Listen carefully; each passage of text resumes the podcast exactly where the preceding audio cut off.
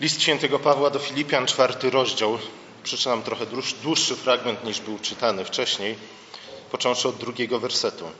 Wzywam Ewodię i wzywam, wzywam Syntychę, aby były jednomyślne w Panu. Także proszę i Ciebie, pra, prawdziwy Syzygu, pomagaj im, by one razem ze mną trudziły się dla Ewangelii, wraz, bo one razem ze mną trudziły się dla Ewangelii wraz z Klemensem i pozostałymi moimi współpracownikami, których imiona są w Księdze Życia.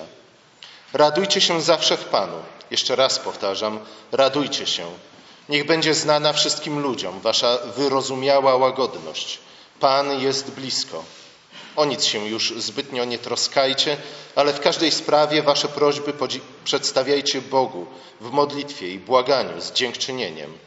A pokój Boży, który przewyższa wszelki umysł, będzie strzegł waszych serc i myśli w Chrystusie Jezusie. W końcu, bracia, wszystko, co jest prawdziwe, co godne, co sprawiedliwe, co czyste, co miłe, co zasługuje na uznanie, jeśli jest jakąś cnotą i czynem chwalebnym, to miejcie na myśli. Oto Słowo Boże. List do Filipian jest listem więziennym, dlatego że został napisany gdzie? W więzieniu. Kilka listów świętego Pawła zostało napisanych w więzieniu. Paweł jednak, pisząc z więzienia, nie narzeka na swój los. Raczej chwali Pana, wielbi Pana i mówi, że jego uwięzienie jest zapowiedzią zwycięstwa, które Bóg mu obiecał. Kiedy Jezus powołał apostoła Pawła na drodze do Damaszku, obiecał mu, że stanie przed wielkimi tego świata, by głosić Ewangelię o Królestwie Bożym. Paweł opierał się nie tylko na tej obietnicy, którą dał mu Jezus w drodze do Damaszku, ale także opiera się na tym, co wcześniej wyczytał w Piśmie Świętym. Paweł zna historię Józefa, zna historię Daniela, zna także historię Jezusa Chrystusa. Wie, że w przypadku każdego z nich, a także wielu innych osób, uwięzienie było zapowiedzią zwycięstwa. Zatem w świetle tego schematu, który znajduje w Piśmie Świętym, Paweł okazuje męstwo, męstwo okazuje hart ducha, ze względu na to, iż wie, iż jego więzy są zapowiedzią chwały i zwycięstwa. Zachowuje hart ducha w obliczu ataków złego. I widzimy, w jaki sposób Pan Bóg zachowuje nas od złego. Nie zachowuje nas od złego w tym sensie, że nie pozwala złemu dotknąć się nas, ale zachowuje nas od złego w tym sensie, że zachowuje nas od zwycięstwa złego nad nami, ale raczej każdy atak złego jest wykorzystany w Bożej opatrzności do tego, aby dać nam i Chrystusowi zwycięstwo. Paweł w związku z tym zachęca chrześcijan w Filipi do tego samego, właśnie do męstwa, do hartu ducha. Odwaga bowiem, odwaga zawsze deprymuje wroga, podczas gdy strach zachęca go do agresji. Możemy później zapytać się naszego specjalisty z policji, jak, czy to rzeczywiście tak działa, ale zwykle to tak działa, nie? Że, że kiedy okazujemy strach, tym samym zachęcamy agresora do tego, aby nas zaatakował. Kiedy jednak, nawet choćby blefując, okazujemy odwagę, ten, który chce nas zaatakować dwa razy, zastanowi się nad tym, czy warto. Przy czym nie chodzi tylko i wyłącznie o indywidualne męstwo.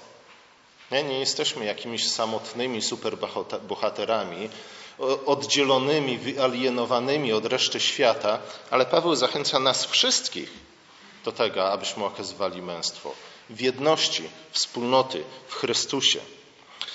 Jedność, bo do tej zachęca Paweł przede wszystkim w liście do Filipi, jedność jest tym, co przynajmniej równie w równym stopniu jak odwaga przynosi nam zwycięstwo, pomaga nam w odpieraniu ataków złego. Jedność, nawet wśród pogan, jest w stanie wiele osiągnąć. Jedność uzdalnia nas do osiągnięcia tego, czego nie jesteśmy w stanie osiągnąć w pojedynkę. Historia wieży Babel przypomina nam o tym.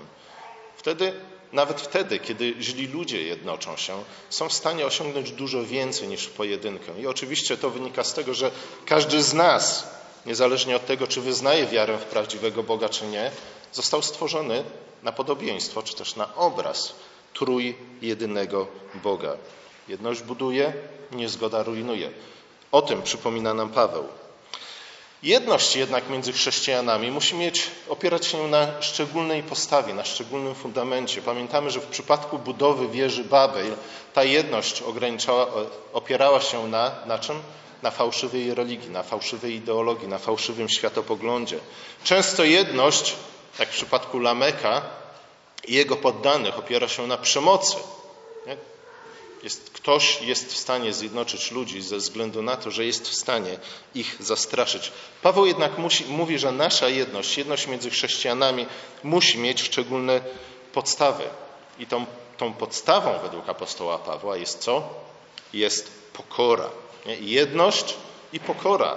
To są dwa główne tematy listu do Filipian, a może raczej jedność oparta na pokorze.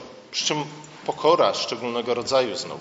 Pokora chrześcijańska, pokora, jaką widzimy w Chrystusie.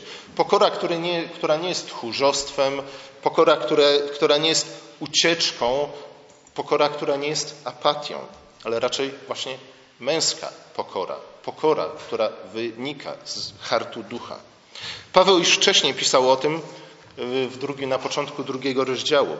Jeśli więc jest jakieś napomnienie w Chrystusie, jeśli jakaś moc przekonująca miłości, jeśli jakiś udział w duchu, jeśli jakieś serdeczne współczucie, to dopełnijcie mojej radości przez to, że będziecie mieli te same dążenia, tę samą miłość i wspólnego ducha, pragnąc tylko jednego, a niczego nie pragnąc dla niewłaściwego współzawodnictwa, ani dla próżnej chwały, lecz w pokorze oceniając jedni drugich za wyżej stojących od siebie. Niech każdy ma na oku nie tylko swoje własne sprawy, ale też i drugich.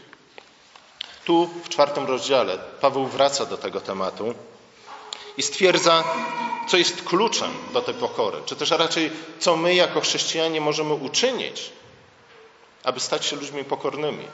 Nie? Dlatego, że pokora nie przychodzi tylko i wyłącznie poprzez medytację. Pokora nie przychodzi tylko i wyłącznie poprzez słuchanie napomnienia. Pokora przychodzi do naszego życia, czy też raczej nabieramy tej cechy, którą nazywamy pokorą, poprzez ćwiczenia, ćwiczenia duchowe, o których zaraz powiemy. Najpierw apostoł napomina Ewodię i Syntychę,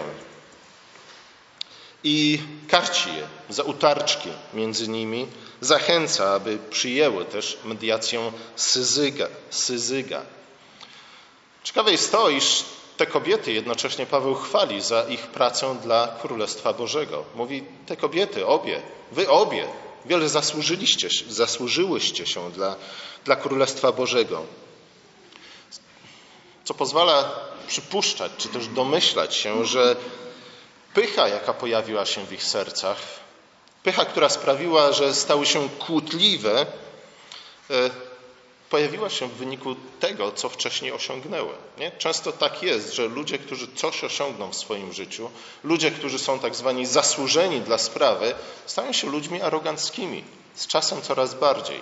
Nie? Zwłaszcza, że jeśli cały świat nie chce ze względu na ich zasługi, często słuszne i prawdziwe, uznać ich za jedyne autorytety moralne. Niestety Ewodia i Syzyga, ze względu na to, że tak wiele uczyniły dla Pana, stały się kobietami butnymi, aroganckimi, oczekującymi tego, iż inni będą im posłuszni. Nie dlatego, że tak to wynika z postanowień pisma, nie dlatego, że tak to wynika z postanowień Kościoła, ale dlatego, że one się czymś w przeszłości odznaczyły. Zasługi niestety nie powinny być nigdy licencją na rozpychanie się łokciami. Zasługi, zwłaszcza przeszłe zasługi, nigdy nie powinny być przyzwoleniem na to, aby się wymądrzać i przymuszać w ten sposób innych do posłuszeństwa. Zamiast więc trwać w przekonaniu o własnej wyższości i nieomylności, Ewodia i Sentycha mają wykazać się pokorą. W jaki sposób mają się wykazać pokorą? W bardzo konkretny sposób. Mają bowiem poddać się osądowi i mediacji ze strony innych ludzi. Nie? To, jest, to jest główny przejaw pychy w naszym życiu, kiedy nie jesteśmy gotowi do tego, aby poddać się osądowi i mediacji innych ludzi. Ja może dlatego tak wielu chrześcijan, którzy tak często mądrzą się na temat swojego własnego chrześcijaństwa, jest chrześcijanami, którzy pozostają poza jakąkolwiek wspólnotą Kościoła. Może tak, może nie. Różne są tego przyczyny, ale tak niestety czasami bywa. Następnie Paweł przypomina, że imiona obu tych kobiet zapisane są w niebie. Nie? Ciekawe. Najpierw je napomina, najpierw je karci, ale zaraz później mówi ich imiona. Imię, imię Ewodii i Syntychy zapisane są w niebie. Dlaczego to robi? Wydaje mi się, że znów ze względu na Ewodię i Syntychę. Nie po to, aby pobudzić się je do pychy, nie? ponieważ tu byłaby jakaś sprzeczność, ale dlatego, że jeśli pamiętamy o tym, iż imiona nasze zapisane są w niebie, jeśli pamiętamy o tym, co Chrystus dla nas uczynił, jeśli pamiętamy o tym, że Bóg Syn stał się człowiekiem po to, aby umrzeć na krzyżu, po to, abyśmy mogli stać się podobni do Niego, to po prostu możemy się wyluzować, możemy sobie odpuścić, możemy stwierdzić raz na zawsze, że nie jesteśmy pępkiem świata.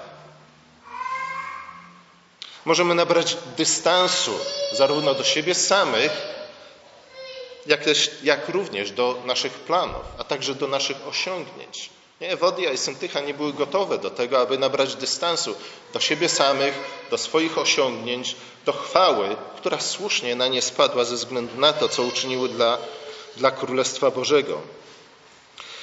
Możemy nabrać dystansu. To jest często nasz problem.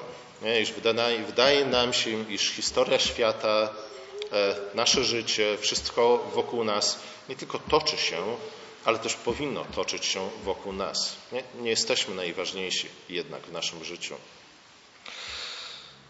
Narcyzm, nie, który jest przeciwieństwem tego zdrowego dystansu do siebie samego, y, oczywiście jest w stanie zgromadzić grupę fanów. Nie? Narcyzm często jest podstawą jedności pewnych ludzi, ale znów nie o taką jedność chodzi. Nie chodzi o to, abyśmy byli wpatrzeni w tego czy w innego człowieka ze względu na to, że mamy być wpatrzeni w Chrystusa, ale zobaczcie, nawet Chrystus nie jest tym, który zachęca nas, abyśmy wpatrywali się w Niego. Dlatego, że Chrystus zawsze zachęca nas do tego, abyśmy co robili? Wpatrywali się w Boga Ojca. Nie? Narcyzm, który jest przeciwieństwem zdystansowania się do siebie, do swoich osiągnięć, jest przeciwieństwem tego, co widzimy w relacjach między Ojcem, Synem i Duchem Świętym. Dalej apostoł zachęca do radości w Chrystusie. Dzisiaj mamy szczególny powód do radości w Chrystusie, ale często, często prorocy, często apostołowie zachęcają nas do radości w Chrystusie właśnie wtedy, kiedy przechodzimy przez trudne czasy, ze względu na to, iż kiedy radujemy się w Chrystusie, wtedy przypominamy sobie o czym? O tym, co Chrystus dla nas uczynił. Nie? Przypominamy sobie o wcieleniu, o krzyżu, o zmartwychwstaniu, o niebowstąpieniu. Przypominamy sobie, że zbawieni jesteśmy z łaski, tylko i wyłącznie z łaski. I, i z, z tego przypomnienia płynie radość i płynie wdzięczność. Wdzięczność za okazaną nam łaskę, która z kolei uwalnia nas od pychy, uwalnia nas od narcyzmu. Bo skoro łaską zbawieni jesteśmy, to z czego mamy się chlubić. Paweł bardzo często przypomina to nam. Słuchajcie, właśnie nauka o zbawieniu z łaski, generalnie rzecz biorąc, do tego się sprowadza.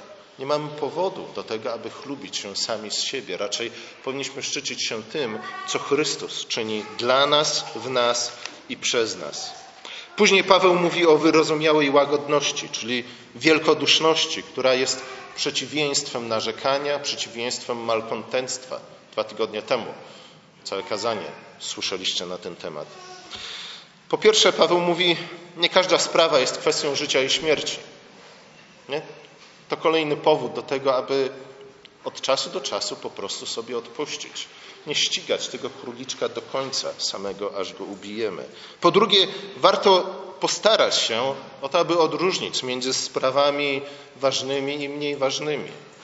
Niestety wielu chrześcijan i nie tylko chrześcijan, ale dzisiaj mówię do chrześcijan, e, ma takie tendencje, nie? Że, że czegokolwiek się uczepimy, próbujemy doprowadzić sprawę do końca, aż ostatni wątpiący się nawróci przeprosi nas za to, że nie przyznał nam wcześniej racji. Powinniśmy też postarać się odróżnić zwykłą głupotę wynikającą z niedojrzałości. Nie? I, i najczęściej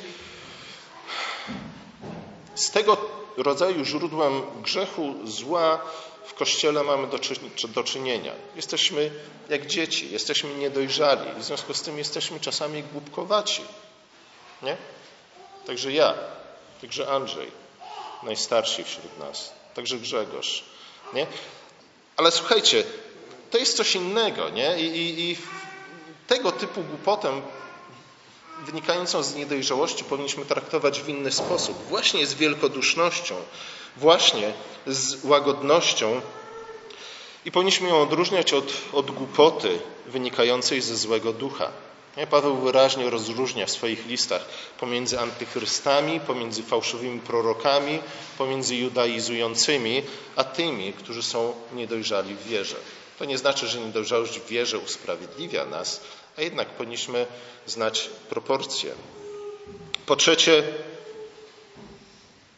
co już mówiłem, kto, kto nigdy nie odpuszcza, ten też rzadko cokolwiek osiąga. Nie? Najczęściej ludzie, którzy biegą za wszystkimi sprawami albo za jedną sprawą do samego końca, najczęściej nic nie osiągają. Paweł jednak chce, abyśmy coś osiągnęli w naszym życiu. Nie? Paweł chce, abyśmy dojrzewali w Chrystusie. Paweł chce, abyśmy widzieli postęp w rozwoju Królestwa Bożego. Apostoł uzupełnia zachętę do wyrozumiałej łagodności słowami: Pan jest blisko. I tak jak mówiłem dwa tygodnie temu, raczej nie chodzi o zapowiedź drugiego powtórnego przyjścia Chrystusa. Nie chodzi o to, że koniec świata będzie za ile? Za dwa lata. Nie, raczej chodzi o to, że Pan jest po prostu nam blisko, zawsze i wszędzie. Nie? I tym powinniśmy się pocieszać, ze względu na to, że jeśli Pan jest blisko, to znaczy, że zawsze czuwa nad losem swojego, y, swojego ludu i nad losem świata. W podobny sposób Paweł pisze w liście do Rzymian, namawiając do okazywania miłosierdzia nawet naszym wrogom. Nikomu złem za złe nie odpłacajcie. Starajcie się dobrze czynić wobec wszystkich ludzi, jeśli to jest możliwe, o ile to od was zależy. Żyjcie w zgodzie ze wszystkimi ludźmi, umiłowani. Nie wymierzajcie sami sobie sprawiedliwości, lecz pozostawcie to pomście Bożej. Dlatego nikt z nas nie powinien być żadnym mścicielem. Nie, to nie znaczy, że, że mamy automatycznie zapominać o złych rzeczach, o krzywdach nam wyrządzonym, chociaż może raczej powinniśmy pamiętać o krzywdach, które my innym ludziom wyrządziliśmy, ale w ostatecznym rozrachunku to Chrystus jest naszym mścicielem nie? i On dokona pomsty sprawiedliwej, miłosiernej, dobrej. Dlatego też nie? możemy Możemy nabrać dystansu do siebie, możemy się trochę wyluzować, możemy sobie trochę odpuścić, ponieważ Pan jest blisko i On czuwa nad losem swojego ludu. A jeszcze raz przypominam, jest to Pan, który stał się człowiekiem, który poszedł na krzyż, który zmartwychwstał i wstąpił do nieba dla nas, ze względu na nas. Paweł dalej dodaje: O nic się nie bójcie, lecz raczej dziękujcie Bogu i w modlitwie powierzajcie się Jemu. Strach, lęk jest w pewnym sensie czymś naturalnym. Człowiek, który niczego się nie boi, bardzo szybko zginie, to po pierwsze, a z drugiej strony jest raczej oderwany od rzeczywistości, ze względu na to, że jest bardzo wiele rzeczy, które napełnia nas strachem i lękiem. Strach, lęk jest czymś naturalnym ze względu na to, iż wynika z obserwacji, iż świat, w którym żyjemy, nie jest takim światem, jakim powinien być. Że my nie jesteśmy ludźmi takimi, jakimi powinniśmy być. Że i my, i ja, i ci, którzy nas otaczają, daleko odbiegamy od ideału. A jednak strach, który jest niekontrolowany, strach, który nami powoduje, strach, nad którym nie panujemy w żaden sposób, prowadzi albo do rezygnacji i otępienia, czyli apatii, albo z drugiej strony prowadzi do hiperaktywnej agresywności, nie? czy też do gniewnej hiperaktywności. Najczęściej strach prowadzi do jednej z tych dwóch postaw, a zarówno jedna, jak i druga niszczy co? niszczy jedność, niszczy wspólnotę. Rodzi agresję albo rodzi bezczynność. Jedna i druga nie wydaje żadnego dobrego owocu. Krzyż jednak przypomina nam o tym, że dla tych, którzy zawierzyli Bogu, nawet śmierć rodzi błogosławione owoce. Dlatego możemy, nie musimy się bać. Nie? Bać w zły sposób, bać w grzeszny sposób, bać w ten sposób, że ten strach zrodzi w nas albo apatię i rezygnację, albo zwątpienie w miłosierdzie Boże, albo z drugiej strony zrodzi w nas gniew, który wyda gorzkie, złe, cierpkie owoce. W ten sposób Pan Bóg obdarza nas spokojem, kiedy dziękujemy Mu, kiedy w modlitwie powierzamy Mu nasze sprawy, ale przede wszystkim kiedy dziękujemy Mu za to, co już dla nas dokonał. Jest to pokój nie tylko w sensie pokoju umysłu, czy też pokoju serca, ale Paweł, pamiętajmy o tym, cały czas mówi o, o jedności, o wspólnocie chrześcijan. Jest to także pokój, który będziemy w stanie mieć między sobą. I wydaje mi się, że kontynuacją właśnie tej myśli jest ostatnia zachęta, czy też ostatnia wskazówka, jakiej Paweł nam udziela, jak mamy nabierać pokory, jak mamy uczyć się pokory. Na końcu bowiem apostoł zaleca skupienie naszej uwagi na tym, co szlachetne i godne pochwały. Nie? I kiedy, kiedy czytamy ten tekst, jeśli dobrze pamiętam, to jest chyba siódmy werset czwartego rozdziału, Często mamy wrażenie, że Paweł mówi tutaj o pewnego rodzaju abstrakcjach. Nie? Mówi o pięknie, mówi o szlachetności, mówi o tego typu rzeczach, ale wydaje mi się, że w kontekście tego, co Paweł do tej pory napisał, powinniśmy raczej w inny sposób odczytywać te słowa. Paweł nie tyle mówi o wytworach wyższej kultury, ale raczej o tym, co szlachetne i co godne pochwały w naszych współwyznawcach. Nie, tak spójrzcie na siebie dookoła. Nie, I za każdym razem, gdy patrzycie na siebie nawzajem, spróbujcie dojrzeć w drugiej osobie to, co szlachetne i to, co godne pochwały. Do tego przede wszystkim zachęca nas Paweł. I mówi, w ten sposób osiągniecie pokój. Nie macie okazywać wdzięczność Panu Bogu, ale także wdzięczność sobie nawzajem. Nie? I nie będziemy w stanie okazać wdzięczności sobie nawzajem, jeśli nie dostrzeżemy w drugiej osobie tego, co Paweł dostrzegł w Ewodii i, syn, i, i, i kim? I Syntysze chyba. E, mimo to, że te kobiety stały się naprawdę zrzędliwymi jędzami nie? i burzyły pokój w kościele, ale Paweł mówi, to nie przekreśla tego, co one dokonały. To nie przekreśla tego, co dobre i szlachetne w nich. Gdyby nie było w nich nic dobrego, nic szlachetnego, to rzeczywiście jedynym sposobem na rozwiązanie tego konfliktu w Kościele byłoby co? Ekskomunika. Nie? A Paweł mówi, nie, ja nie rezygnuję z tych kobiet, dlatego że je znam. Ja znam, wiem do czego są zdolne, wiem, co jest dobre i szlachetne w Ewodii i w Syntysze. Zawsze możemy doszukać się czegoś złego w innych ludziach. Zgadza się?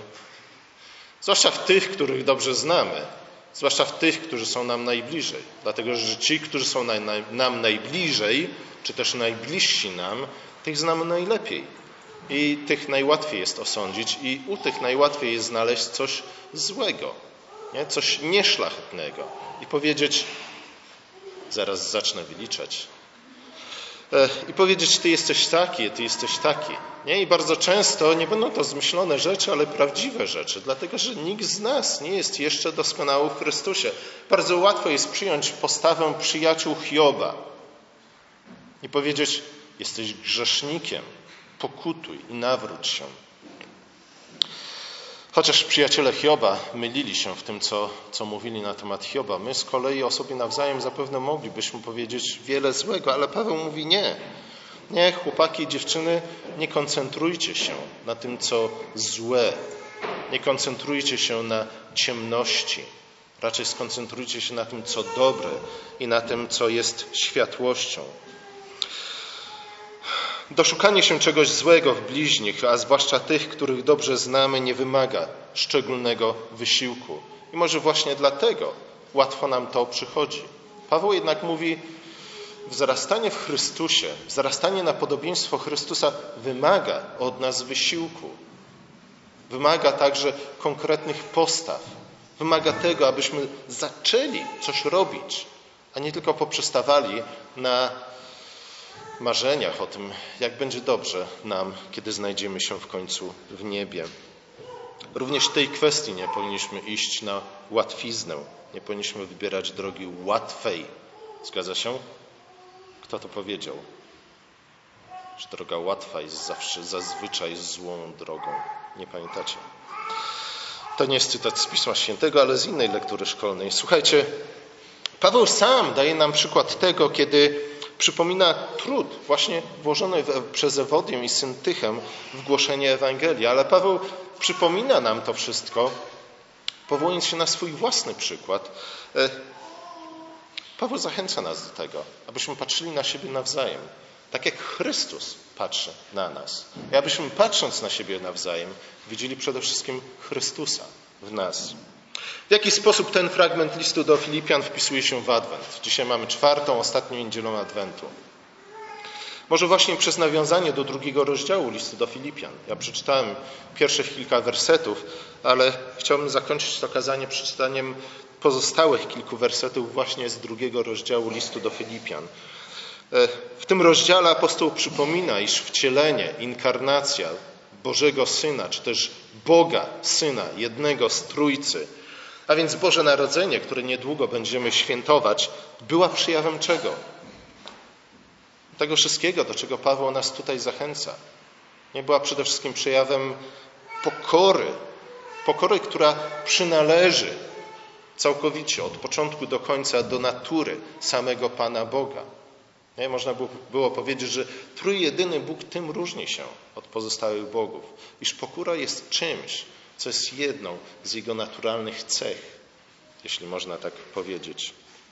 I dlatego też my, jako chrześcijanie, stworzeni na obraz trójjedynego Boga, ale także odrodzeni w Chrystusie, poprzez Chrystusa, na podobieństwo trójjedynego Boga, tę pokorę, którą znajdujemy w Bogu, mamy naśladować. Miejcie w sobie takie usposobienie, pisze apostoł, jakie było w Chrystusie. On mając naturę Boga, czyli innymi słowy, będąc Bogiem, nie uznał za stosowne korzystać ze swej równości z Bogiem, lecz ogołocił samego siebie, przyjmując naturę sługi i stając się podobny ludziom. A z zewnętrznego wyglądu uznany za człowieka uniżył siebie samego, stając się posłusznym aż do śmierci i to do śmierci na krzyżu. Amen.